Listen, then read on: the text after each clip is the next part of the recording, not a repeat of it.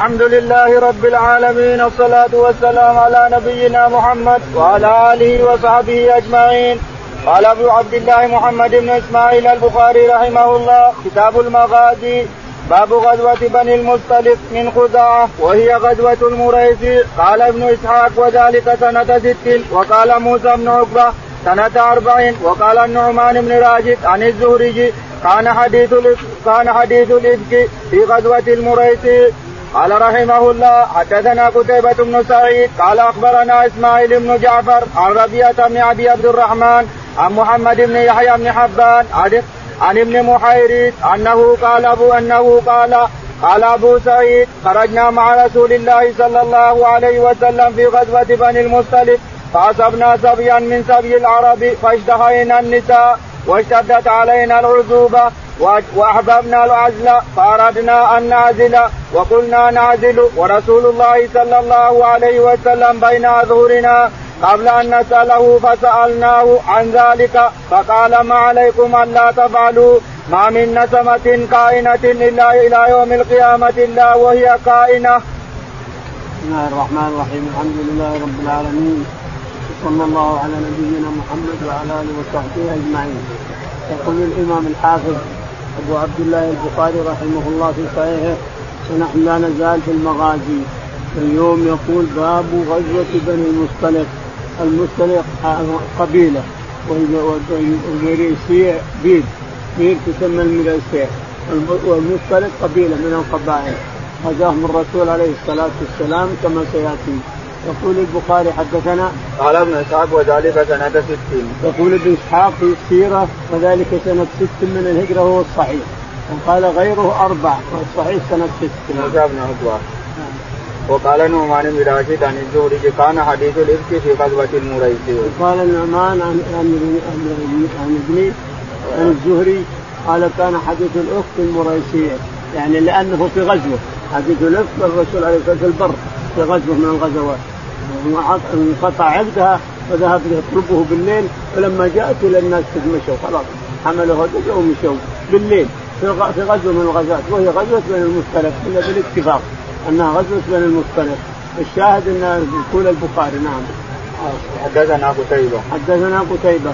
قال حدثنا إسماعيل بن جعفر. إسماعيل بن جعفر. قال حدثنا الربيع الربيع بن عبد الرحمن بن أبي عبد الرحمن. قال الإمام. قال حدثنا عن محمد بن يحيى. عن محمد بن يحيى بن حبان. قال عن محمد عن ابن محيريز عن ابن محيريز قال أنه قال دخلت المسجد فرأيت أبا سعيد الخدري رضي الله عنه فجلست إليه فسألته عن العزل. قال أبو سعيد خرجنا مع رسول الله صلى الله عليه وسلم في غزوة بني المصطلق فاصبنا صبيا. من سبي العرب فاشتهينا النساء واشتدت علينا العزوبه وأحببنا العزل فأردنا أن نعزل وقلنا نعزل ورسول الله صلى الله عليه وسلم بين عذورنا. قبل أن نسأله يقول. يقول البخاري رحمه الله حدثنا؟ قرأنا السنة يقول نعم. قال عبد الله بن معيريز أنه قال دخلت المسجد. دخلت على المسجد فوجدت ابي سعيد الخدري رضي الله تعالى عنه. يقول فسألته عن العزل فقال إنا خرجنا مع الرسول عليه الصلاة والسلام وأصبنا سبيا. يعني خرجوا مع الرسول غزاة لبني المختلف وكان عليه الصلاة والسلام إذا أما قوما يريد أن يحاربهم فإنه ينظر هل يؤذنون الفجر أو ما يؤذنون. جاء إلى بني المختلف وجلس الليل كله حتى طلع الفجر. لما طلع الفجر استمع. هل أذنوا؟ ما أذنوا.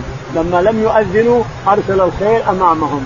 وجعل الرجال والجيش عن وراءهم. وصاروا بين عدوتين يصبحوهم وهم نومة. ما دريوا بالرسول عليه الصلاة ولا غيرهم الخيل من ورائهم جاءتهم والرجل والمشاة من هنا. فأخذوهم اليد.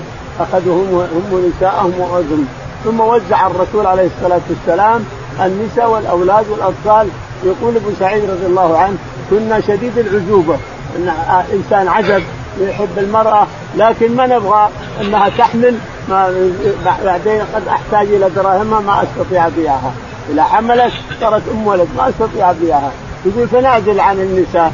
فالعزل هو أن يطع المراه وإذا أراد أن يكب المني أخرج ذكره وكبه في التراب. هذا العزل يقول فالمهم إن أصبنا وكان من السبي جويرية رضي الله عنها وأرضاها. جويرية بنت الحارث المختلفيه تزوجها الرسول. جاءت صارت في نصيب أحد الأنصار فجاءت إلى الرسول عليه الصلاة والسلام تستعينه على كتابتها. كتبته. قالت كاتبني. انت ما تصلح ولا تصلح أنا بنت رئيس القوم. فكتبها على عشر أو أقل أو أكثر. فلما كتب جاءت إلى الرسول تستعينه قال أعدها لك عدا وأتزوجك. قالت نعم. فعدها وتحررت ثم تزوجها عليه الصلاة والسلام وصارت من من أزواجه إلى يوم القيامة. جويرية بنت الحارث المختلقيه صارت من أزواج الرسول التسع إلى يوم القيامة. الشاهد أن الرسول عليه الصلاة والسلام النبي سعيد الخدري قال لما قسمت الغنائم ووقعت في في أيدينا النساء اشتهينا النساء ونشتهي العزوبة لكن إذا جامعنا المرأة وحملت ما استطعنا أن نبيعها. ماذا نفعل؟ نخرج يخرج ذكره ذكره ويرمي المني في التراب.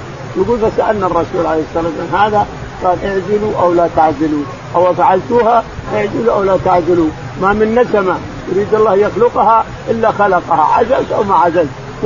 المرأة تسوي حبوب ولا تعزل ولا تحط لولب ولا تحط أي شيء. إذا أراد الله نسمة لازم تأتي. إذا أراد الله نسمة لازم تأتي. لو تسوي أي سبب من الأسباب.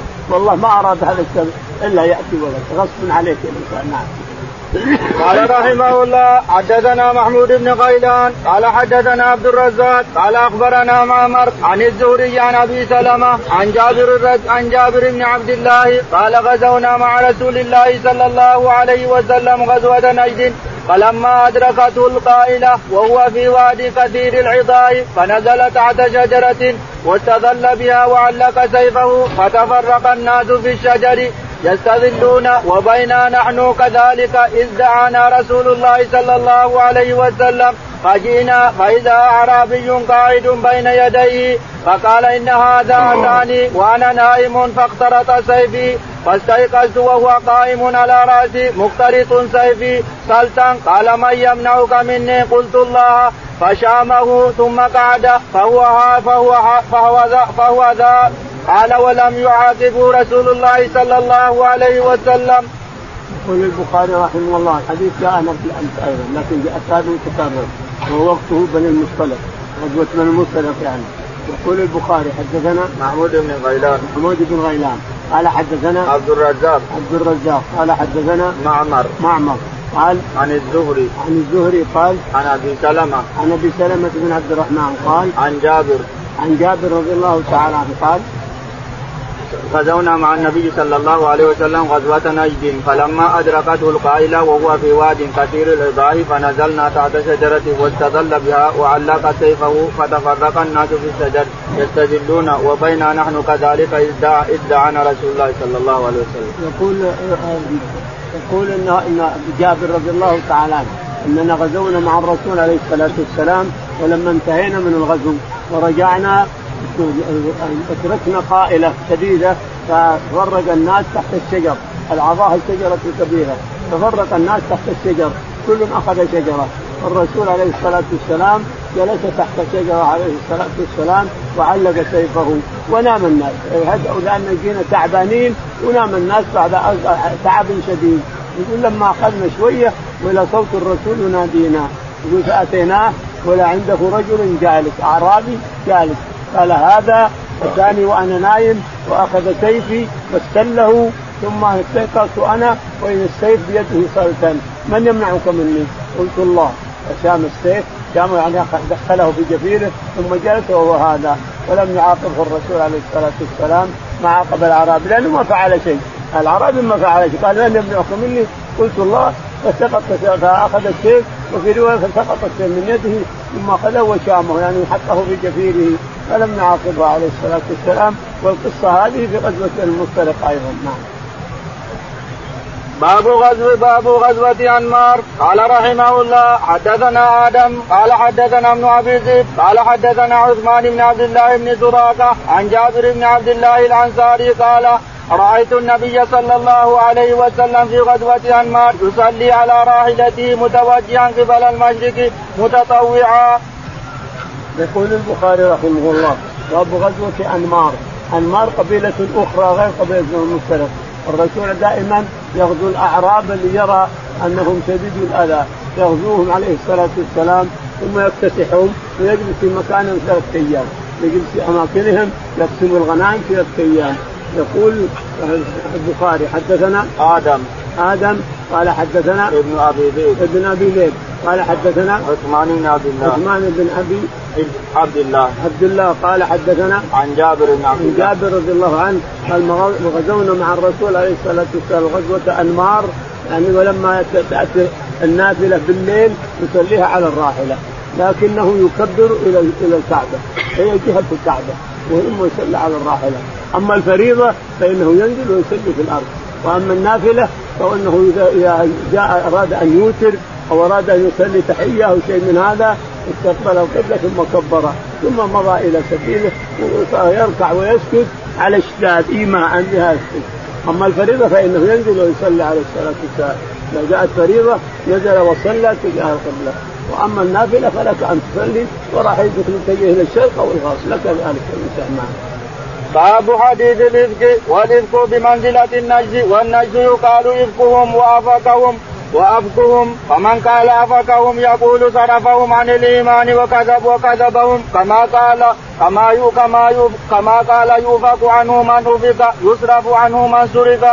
قال رحمه الله حدثنا عبد العزيز بن عبد الله قال حدثنا إبراهيم بن سعد عن صالح بن شهاب قال حدثني عروة بن الزبير وسعيد بن المسيب وعلقمة بن وقاص وعبيد الله بن عبد الله بن عتبة بن مسعود عن عائشة رضي الله عنها زوج النبي صلى الله عليه وسلم حين قال لها أهل الإفك ما قالوا وكلهم حدثني طائفة من حديثها وبعضهم كان أوعى لحديثها من بعد وأثبت وأثبت له اختصاصا. وقد وعيت عن كل رجل منهم الحديث الذي حدثني عن عائشة. وبعد حديثهم يصدق بعدا وإن كان بعضهم اوعى له من بعض. قالوا قالت عائشة كان رسول الله صلى الله عليه وسلم إذا أراد السفر أقرأ بين أزواجه فأيهن خرج سهمها سهمها خرج بها رسول الله صلى الله عليه وسلم معه. قالت عائشة فأقرع بيننا في غزوة غزاها فخرج فيها سامي فخرجت مع رسول الله صلى الله عليه وسلم. بعدما أنزل الحجاب فكنت أحمل في حودج وأنزل فيه فسرنا حتى حتى إذا فرغ رسول الله صلى الله عليه وسلم من غزوته تلك وقف لدنونا من المدينة قافلين آذن ليلة بالرحيل فكنت حين آذنوا بالرحيل فمشيت حتى جاوزت الجيش فلما قضيت شاني أقبلت إلى رحلي فلمست فلمست صدري فإذا عقد فإذا عقد لي من جزع من جزع زفاري زفاري قد قد انقطع فرجعت فالتمست ركبي فحبسني ابتغاؤه قالت وأقبل الرهط الذين كانوا يرحلوني فاحتملوا عودتي فرحلوا على بعير الذي كنت أركب عليه وهم يحسبون أني فيه وكان النساء اذ ذاك خفافا لم يحبلن لم يهب لم يهب لم يهبلن ولم يغشهن ولم يغشهن اللحم إنما يأكلن العلقه من الطعام فلم يستنكر القوم خفة الحودج حين حين رفعوا وحملوا وكنت جارية حديثة السن فبعثوا الجمل فساروا ووجدت عقدي بعدما استمر الجيش فجئت من منازلهم وليس بها وليس بها منهم داع ولا مجيب فتم فتم فتيممت منزلي الذي كنت به وظننت أنهم يستيقظوني فيرجعوني فيرجعون إلي فبين أنا جالسة في منزل غلبتني عيني فنمت وكان صوان بن المعطل السلمي ثم ثم الزكواني من وراء الجيش فأصبح عند منزلي فرأى سواد سواد إنسان نائم فعرفني حين رآني وكان رآني قبل الحجاب فاستيقظت باسترجاعه حين عرفني فخمرت وجهي بجلبابي ووالله ما تكلمنا بكلمة ولا سمعت منه كلمة. غير غير استرجائه وهو حتى اناخ راحلته فوطئ على يدها فقمت إليها فركبتها فانطلق يقود بالراحله حتى أتينا الجيش موغرين في نهر الظهيرة وهم نزول قالت فهلك من هلك وكان الذي تولى كبر الإبت عبد الله بن أبي بن سلول. قال عروة أخبرت أنه كان يشاء ويتحدث به عنده ويقره ويستمعه ويستوشيه. وقال عروة أيضا لم يسمي لم يسمى من أهل الإفك أيضا إلا حسان بن ثابت ومفتح بن اثاثه وحمنة بنت جاش في ناس آخرين. لا علم لي بهم غير أنهم عصبة كما قال الله تعالى وإن كبر ذلك يقال عبد الله بن أبي بن سلول قال عروة وكانت عائشة تكره أن يصب عندها حسان وتقول إنه الذي قال فإن أبي ووالداه وعردي بعرض محمد منكم وقاه. يقول البخاري رحمه الله باب حديث الإفك. الإفك هو رجس رجس الكلام بكذب الرفق والكذب والكلام بالكذب. يقول البخاري رحمه الله. حدثنا وهو وهو, وهو أفقهم يقول صرفهم عن الإيمان وكذبهم كما يعني تكسيب للإفك الإفك الكذب وهو الرجس الصرف عن الحق. الصرف عن الحق إلى الباطل نعم. يقول حدثنا عبد العزيز بن عبد الله. حدثنا عبد العزيز بن عبد الله. قال حدثنا إبراهيم بن سعد. إبراهيم بن سعد. قال حدثنا عن سالم بن كيسان. عن سعد قال عن صالح بن كيسان. قال حدثنا عن ابن شهاب. ابن شهاب الزهري. ابن شهاب يقول حدثه عقبة بن عروة بن الزبير. عروة بن الزبير. وسعيد بن المسيب. سعيد بن المسيب. وعلقمة وعلقمة بن وقاص. وعلقمة بن وقاص الليثي. وعبيد الله بن عبد الله بن عتبة. وعبيد الله بن عبد الله بن عتبة بن مسعود. عن عائشة. حدثوه كل واحد حدثه بحديث مفصل عن عائشة رضي الله عنها. الأربعة يحملون الحديث عن عائشة نفسها رضي الله عنها وأرضاها لأنها هي صاحبة الشأن. الشاهد أن الزهري يقول كل واحد حدثني فوعيت ما حدثوني وبعضهم أثبتوا من بعض وبعضهم اوعى من بعض. فقالوا إن عائشة رضي الله عنها تقول إن النبي عليه الصلاة والسلام إذا أراد سفرا أقرع بين نسائه التسع. يقرع بين نسائه. يجعل الخارجة يجعل اسمها. اسم الخارجة من الزوجات يجعله في الورقة والباقي غفل. الباقي غفل فيرمي الورقة فيرمي الورقة على هذا على هذا على هذا هذا. فإذا وقعت على من سميت الورقه خرجت معه. أو يجعل غفل ويجعل كله مكتوب أسماء أسماء إلا واحدة غفل. ثم تقع الغفل على واحد منهم فيخرج بها. هذه القرعة. القرعة أن تجعل الورقة الانسان انت تقرأ بين اثنتين تجعل هذه مكتوبة وهذه غفل. فترميها على هذه ولا هذه يصير اللي ترى أنه وقع عليها تخرج بها. فيخرج من وقع عليها القرعه فخرجت القرعه عليها عليه رضي الله عنها عائشة فخرج بها تلك الغزوة. ويقال إنها غزوة المصطلق ويقال غزوة بني النار ويقال إنها غزوة غير هذه كلها. الشاهد إنها خرج معها خرجت معهم. تقول عائشة رضي الله عنها فأوغلنا وذهبنا ثم قفل الرسول ما وصل إلى الاعراب ما وصل إلى أحد ما قاتل أحد ولا وصل إلى أحد. قفل راجعا عليه الصلاة والسلام في تلك الغزوة قفل راجعا يقول فلما نزل منزلا يقول إني بالليل يقول إني ذهبت أقضي حاجتي يعني تقضي حاجتها تنزل الخرى عن بطنها تنزل الأذى عن بطنها ذهبت وابعدت تقول عن البيت فجعلت ثم أتيت وقد هيا راح هموا بالراحة تهيأوا للرحيل تقول فلمست صدري وإذا عقد أتزين به للرسول عقد من ظفار أو من انصار يأتي من اليمن. عقد من انصار أو من ظفار جميل جدا يوضي بالليل. يوضي خرجه توضي بالليل مصلفح خرجته مصلفعه يوضي بالليل يجي عايد من الظفار ويشترى من ظفار. يقال إنها ظفار. بلد تسمى ظفار في اليمن.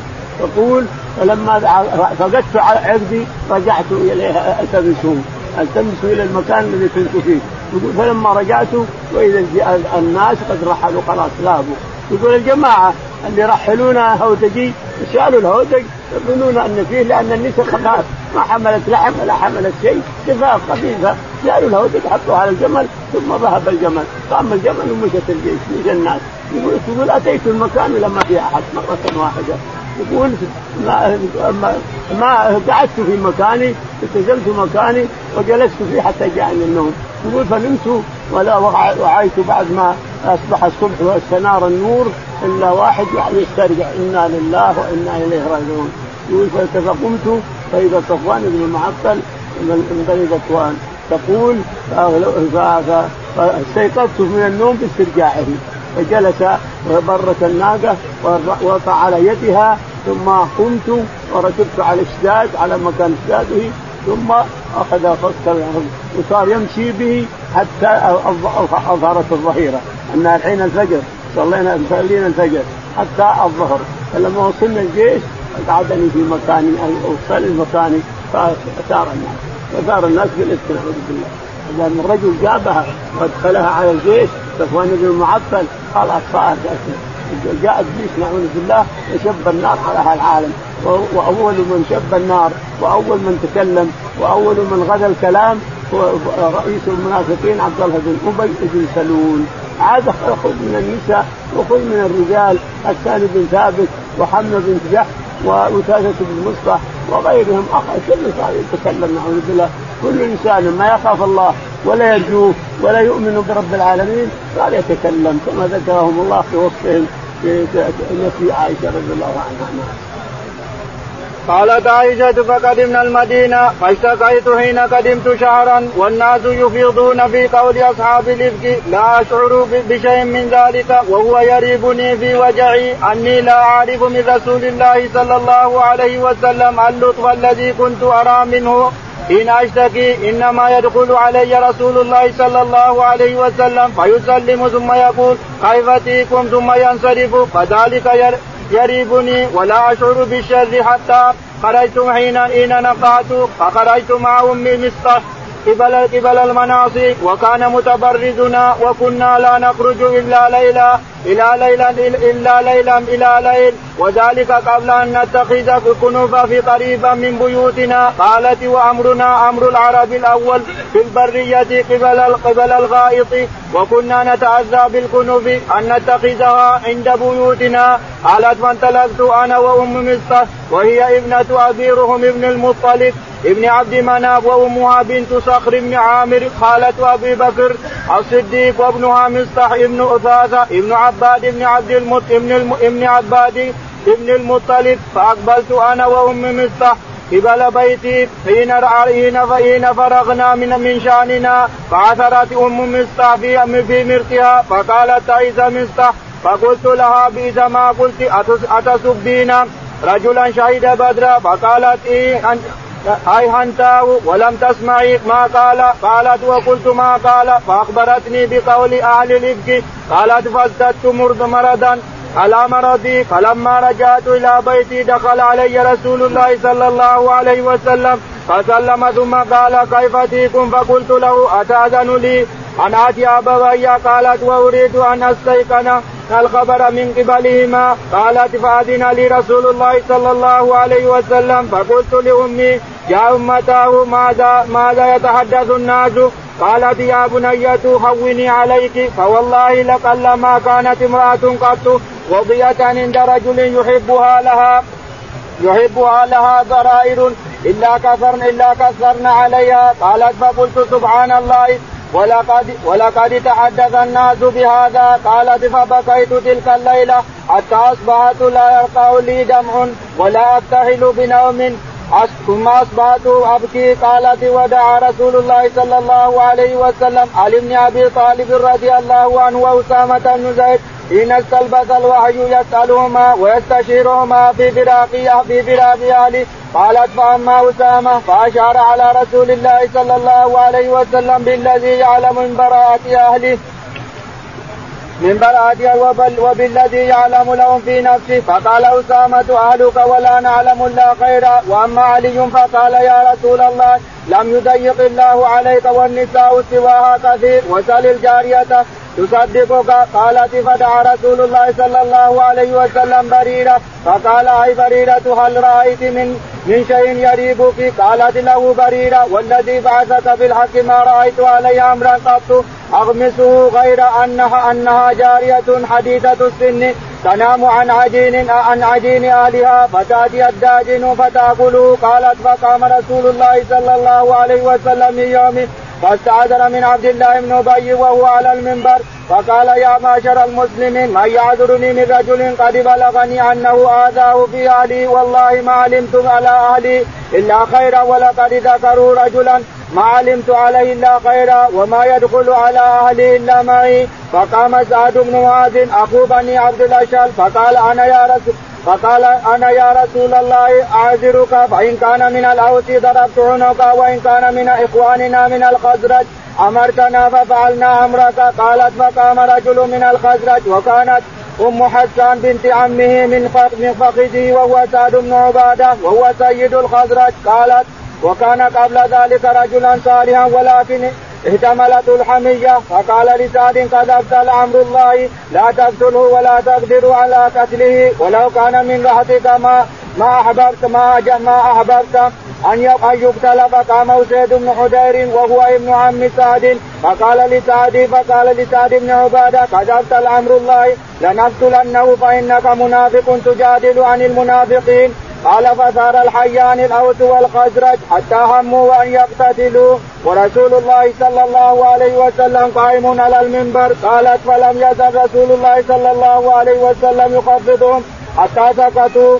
وسكت قالت فبقيت يومي. كذلك كل لا يرقى لي دم ولا اكتهل بنوم.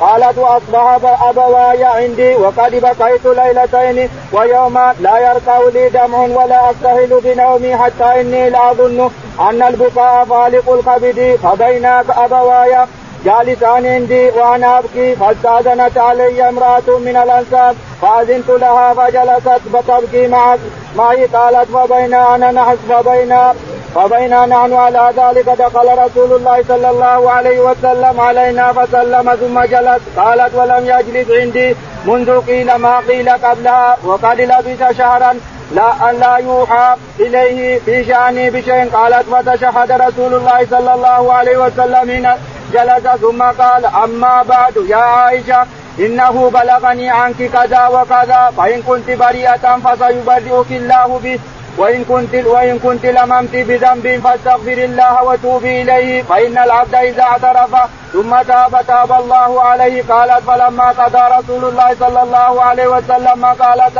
خلص دمعي حتى ما أحس منه قطرة فقلت لابي اجب اجب رسول الله صلى الله عليه وسلم عني فيما قال فقال أبي والله ما أدري ما أقول لرسول الله صلى الله عليه وسلم. فقلت لأمي اجيبي رسول الله صلى الله عليه وسلم فيما قال. قالت أمي والله ما أدري ما أقول لرسول الله صلى الله عليه وسلم. فقال فقلت وأنا جارية حديثة السن لا أقول لا أقرأ من القرآن كثيرا. إني والله لقد علمت لقد سمعت سمعتم هذا الحديث حتى استقر في أنفسكم وصدقتم به. فلئن قلت لكم إني برية لا تصدقوني ولئن اعترفت لكم بأمر والله يا والله يعلم أني منه برية لتصدقني فوالله لا أجد لي ولكم مثلا إلا أبا يوسف.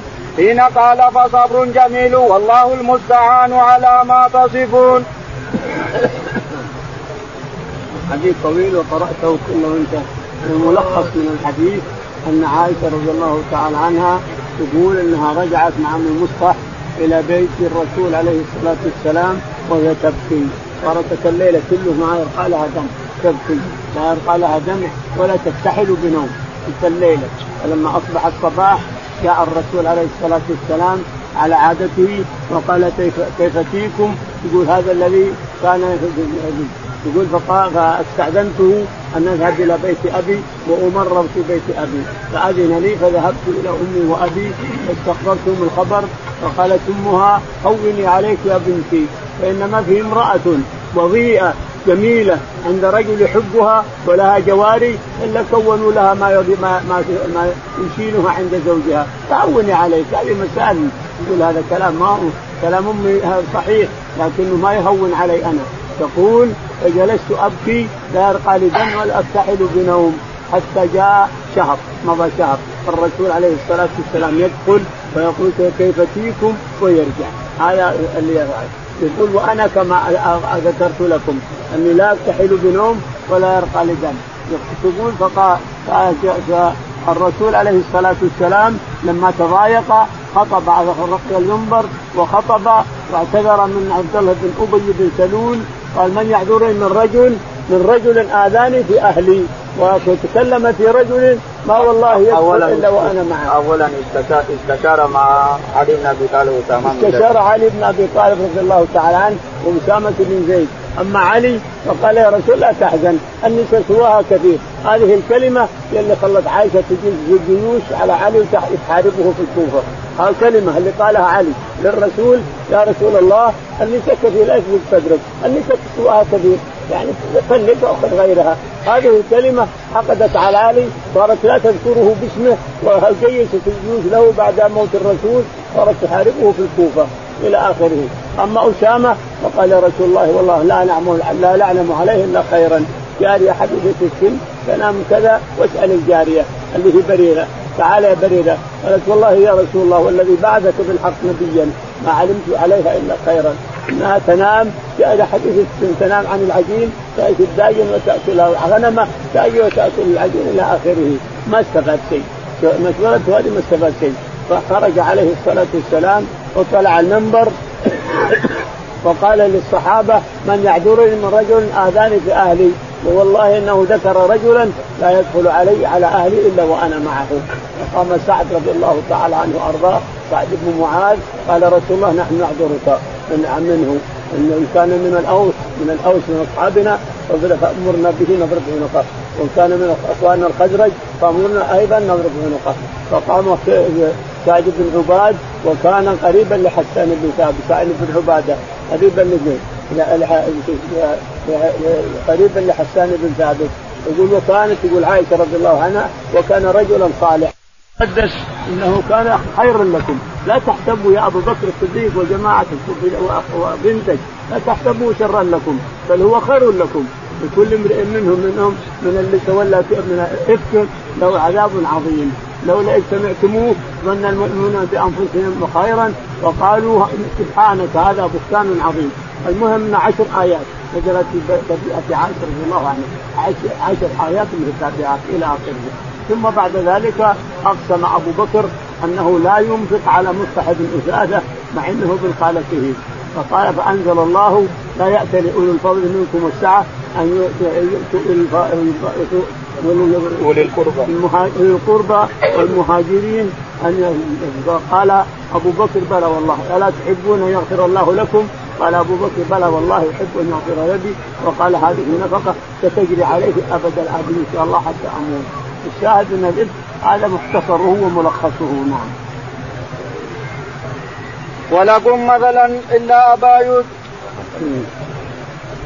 الرسول عليه الصلاة والسلام دخل عليها وهي تبكي لكن خلص الدم خلاص. فقال يا عائشة إن كنت أصبت ذنبي فاستغفر الله تعالى وتقدس وربنا يغفر الذنوب. وإن كنت بريئة فسيبرئك الله. فقال تقول فلم أجد. تقول خلاص الدمع خلاص ما عاد تقول ولم أجد مثلي ومثلهم إلا مثل أبي يوسف. يقول للرسول عليه الصلاة والسلام والله إن قلت إن, إنكم صادقين بما قلتم صدقوني وإن قلتم إنكم كاذبين ما تصدقوني ولكن مالي وما لكم ولكم شبيه إلا أبا يوسف يقول ابى أذكر اسمه نسيت اسمه يعقوب عليه السلام إلا أبا يوسف فصبر جميل والله المستعان على ما تصفون. نعم. ثم تحولت فاضطجعت على فراشي. والله والله يعلم أني حينئذ برية وأن الله مبرئي ببراءتي. ولكن والله ما كنت أظن أن الله تعالى منزل في شأني.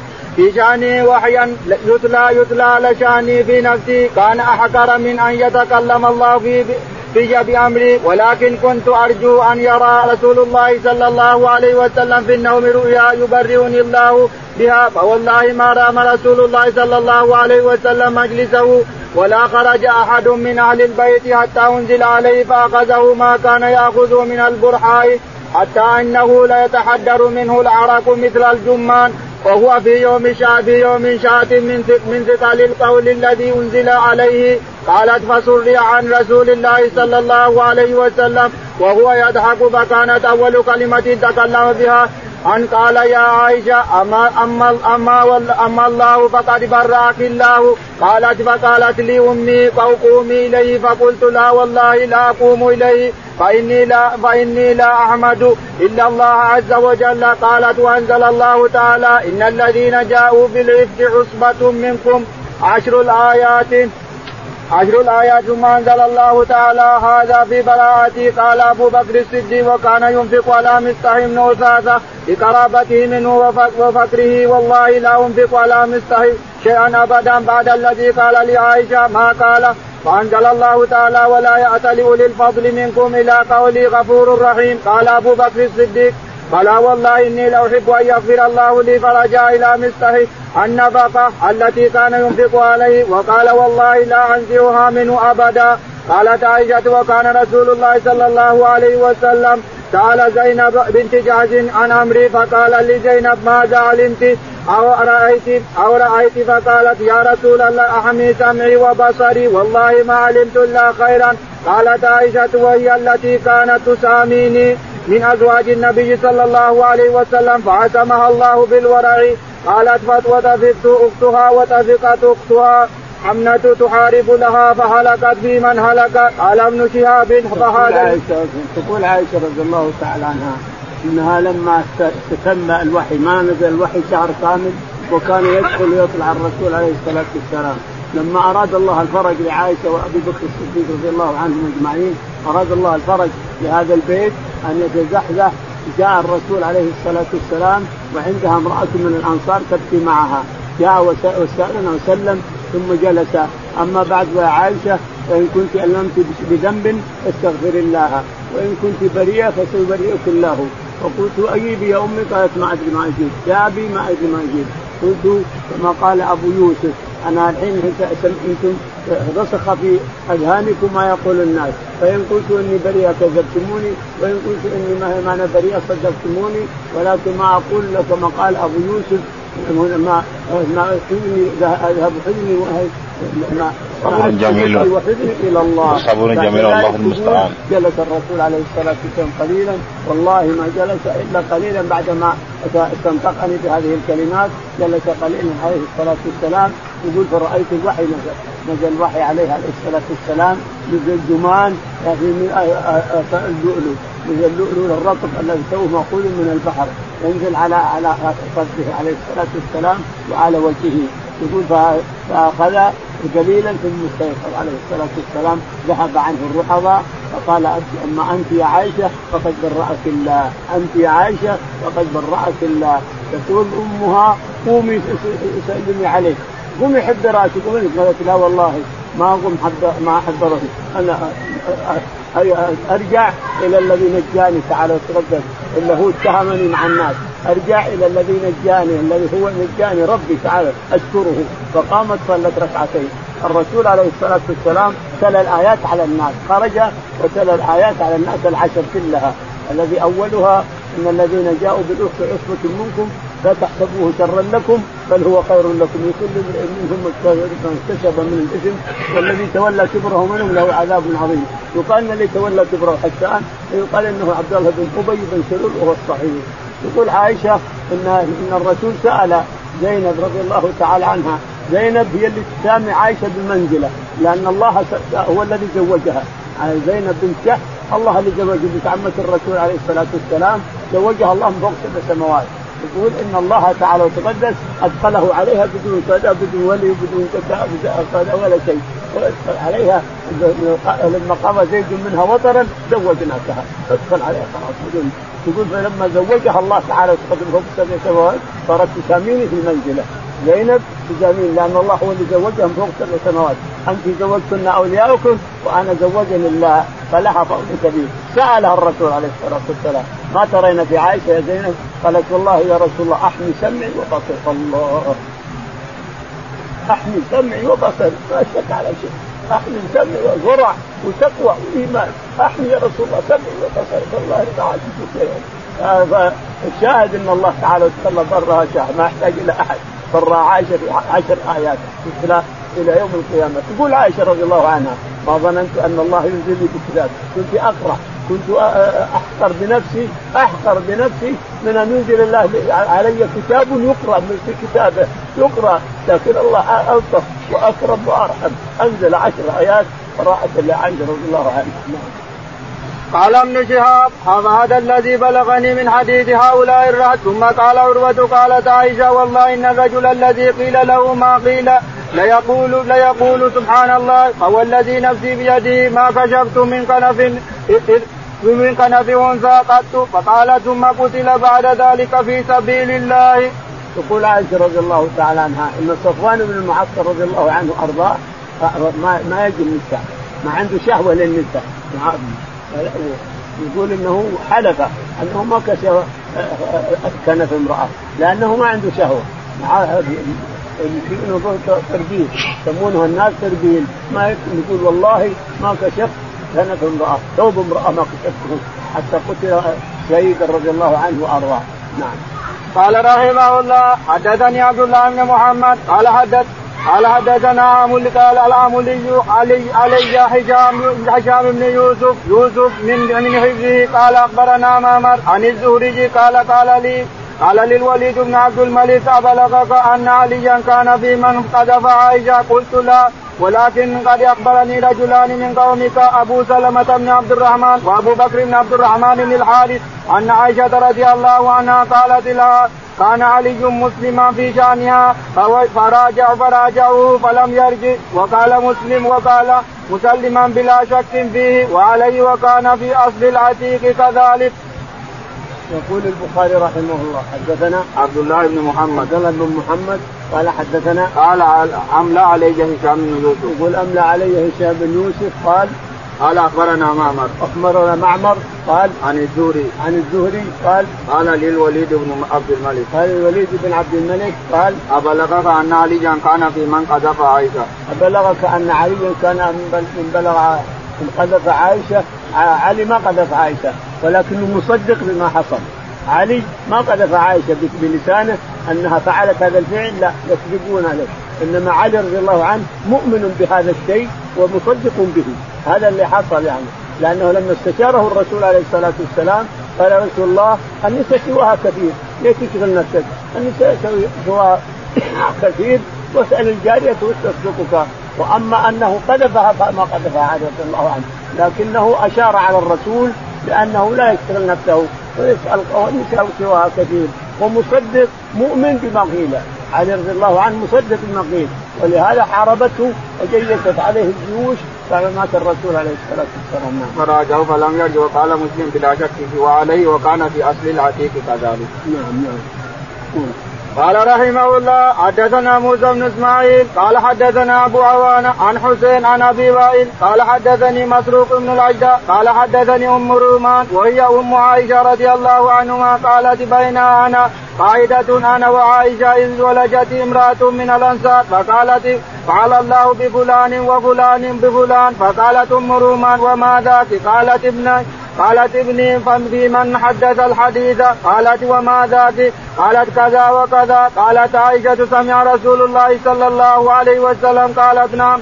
قالت وأبو بكر قالت نعم. فخرت فخرت مغشية عليها فما أفاقت إلا وعليها حمى بنافذ. فطرح فطرحت عليها ثياب ثيابها فتغطيتها فجاء النبي صلى الله عليه وسلم. فقال ما شأن هذه؟ فقلت يا رسول الله أخذت حلهم بنافذ. قال فلعل في حديث تحدثه. قالت نعم فقد فقعد فقعدت عائشة فقالت والله لئن حلفت لا تصدقوني ولئن قلت لا تعذروني مثل مثل مثلي ومثلكم مثلي ومثلكم كيعقوب وبنيه والله المستعان على ما تصفون. قالت وانصرف ولم يقل شيئا. فأنزل الله عذرها. قالت بحمد الله لا بحمد أحد ولا بحمدك.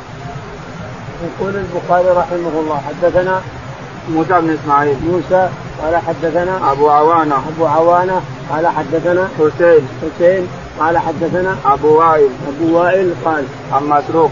عن مسروق بن الأجدع قال عن أم رومان. عن أم رومان ام أم عائشة قال وهي أم رومان عائشة قالت بين أنا وقاعدة أنا وعائشة إذ ولدت امرأة من الأنصار. بينما أنا قاعدة أنا وعائشة جلست دخلت امرأة من الأنصار. تحدثوا حديثا ثم قالوا ما سمعت كذا وكذا قالت وما اللي حصل؟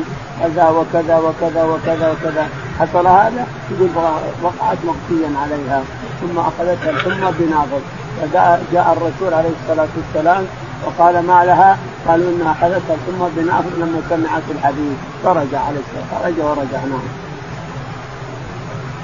قال رحمه الله حدثنا يحيى قال حدثنا وكيع عن نافع عن ابن عمر عن عن, عن عمر بن عن عن عن نافع عن نافع بن عمر عن عن, عن ابن أبي مليكة عن عائشة رضي الله عنها كانت تقرأ اذا إذ تلقونه بألسنتكم وتقول وتقول الولق والكذب قال ابن أبي مليكة وكانت أعلم من غيرها بذلك لأنه نزل فيها.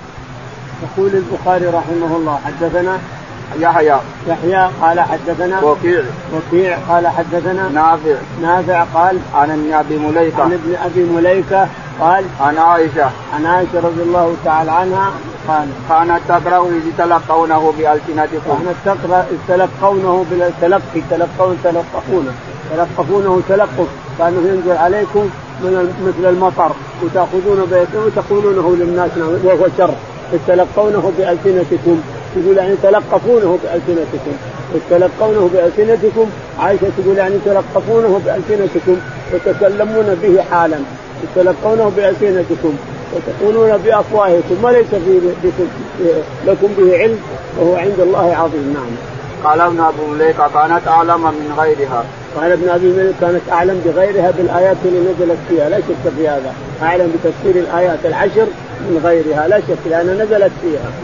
قال رحمه الله حدثنا ابن أبي شيبة قال حدثنا عبد عن هشام عن أبيه قال ذهبت أسب حسان عند عائشة فقالت لا تسبوا فإنه كان ينافع عن رسول الله صلى الله عليه وسلم.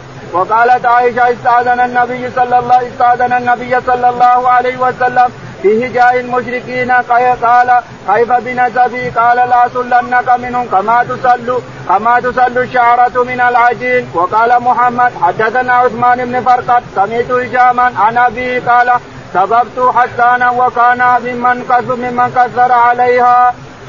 يقول البخاري رحمه الله حدثنا عثمان عثمان بن أبي شيبة قال حدثنا عبده. عبده قال حدثنا هشام بن عروة. هشام بن عروة عن عائشة رضي الله عنها عن عروة عن عائشة رضي الله تعالى عنها أن رجلا أراد أن يسب حسان لأنه تكلم فيها حسان مع الذي تكلموا بعائشة فقالت لا تسبه فإنه كان ينافع عن الله ورسوله فإن أبي ووالده وعرضي لعرض محمد منكم كتاب تريد غير هذا الثناء على الله ثم على رسوله فإن أبي ووالده وعرضي لعرض محمد منكم فداه والله لا لا لا, تنازلت عما فعل ولا أرده إذا استأذن. والله لا أرده إذا استأذن بهذا البيت. فإن أبي ووالده وعرضي لعرض محمد منكم فداء نعم. وقالت عائشة استاذن النبي صلى الله عليه وسلم في جاء المشركين قال كيف بنسبي قال لا تسلنك منهم كما تسل شعرة تقول عائشة رضي الله عنها استاذن حسان الرسول عليه الصلاة والسلام في في جاء قريش جميع من بمكة. جميع قبائل مكة. قال كيف تسب قريش؟ وأنا ما يمكن من قبيلة من القبائل لو أنا منهم. وسطهم لأنه من بني عبد مناف وأنا من بني عبد مناف. جميع قبائل قريش يجمعها مضر يجمعها بني عبد وأنا منهم. قال إن شاء الله. أو قال إن شاء الله. أو قال والله لأسلنك منهم كما تسل الشعرة من العجين. وصدق رضي الله عنه. صدق حسان بن ثابت سل الرسول. وقبيلته من قريش كما تسل الشعرة من العجين قال رحمه الله إن خيل يقول فداه من الخيل تضربها النساء. لما دخل الرسول مكة عام الفتح قال ادخلوا من حيث قال حسان. تضربكن تضربهن. بالخور النساء. موعدكم كداو. موعد الخيل يا قريش موعدها كداو. ثنية الحجون هذه. موعدكم يا قريش كداو. ترى النساء تضرب الخيل تضربهن بخمر النساء. وصدق حسان. لما دخلت الخيل الحجون جاءت النساء بخمرهن تضربن رؤوس الخيل ووجه الخيل كما قال حسان قالوا ادخلوا من حيث ذكر حسان رضي الله عنه. الحجون ادخلوا مع الحجون حيث ذكره حسان بن ثابت رضي الله عنه. قال رحمه الله حدثنا بشر بن خالد قال أخبرنا محمد بن جعفر عن شعبة عن سليمان عن أبي الضحى عن مسروق قال دخلنا على عائشة رضي الله عنها وعندها حسان بن ثابت ينشدها شعرا يشبب بأبيات له وقال حسان رزان ما تظن بريبتي وتصبح غرزا من لحوم الغوابل. فقالت له عائشة لكنك لست كذلك. قال مسروق فقلت لها لم تأذني لم تأذني له أن يدخل عليك. وقد قال الله وقد قال الله والذي تولى كبره منهم له عذاب عظيم فقالت وأي عذاب أشد من العمى؟ قالت له إنه كان ينافع أو ينافع أو يحاجي أو يحاجي عن رسول الله صلى الله عليه وسلم. يقول البخاري رحمه الله حدثنا بشر بن خالد. بشر بن خالد قال حدثنا محمد بن جعفر. محمد بن جعفر قال حدثنا عن شعبة. عن شعبة قال عن سليمان الأعمش. عن سليمان الأعمش قال عن أبي الضحى. عن أبي الضحى قال عن مسروق عن مسروق بن الأجدع عن عائشة رضي الله تعالى عنها يقول دخل عليها وعندها حسان بن ثابت وهو يقول بشعر ويقول حصان رزان لا ما تزن بريبة وتصبح غرزا من لحوم الغوافل. حصان يعني عائشة رضي الله تعالى عنها. حصان حصينة رزان رزينة. حصان رزان ما تزن بريبة وتصبح غرزا غرزا يعني جيعانة. جوعانه من لحوم الغرس الجوع وتصبح غرسا من لحوم الغوافل. يعني ما تسب احد ولا تتكلم باحد قالت قالت لكنك لست كذلك أنت. يقول عائشة حسان لست كذلك لأنك يعني عفيت مع الناس تكلمت مع الناس ما تكلم إلى آخره. وقال لها مسروق ليس تأذنين له؟ قال كيف لا اذن وقد سب قريش بكاملهم. وقد قال للرسول عليه الصلاة والسلام فإن أبي ووالده وعرضي بعرض محمد منكم فداء ما يمكن ان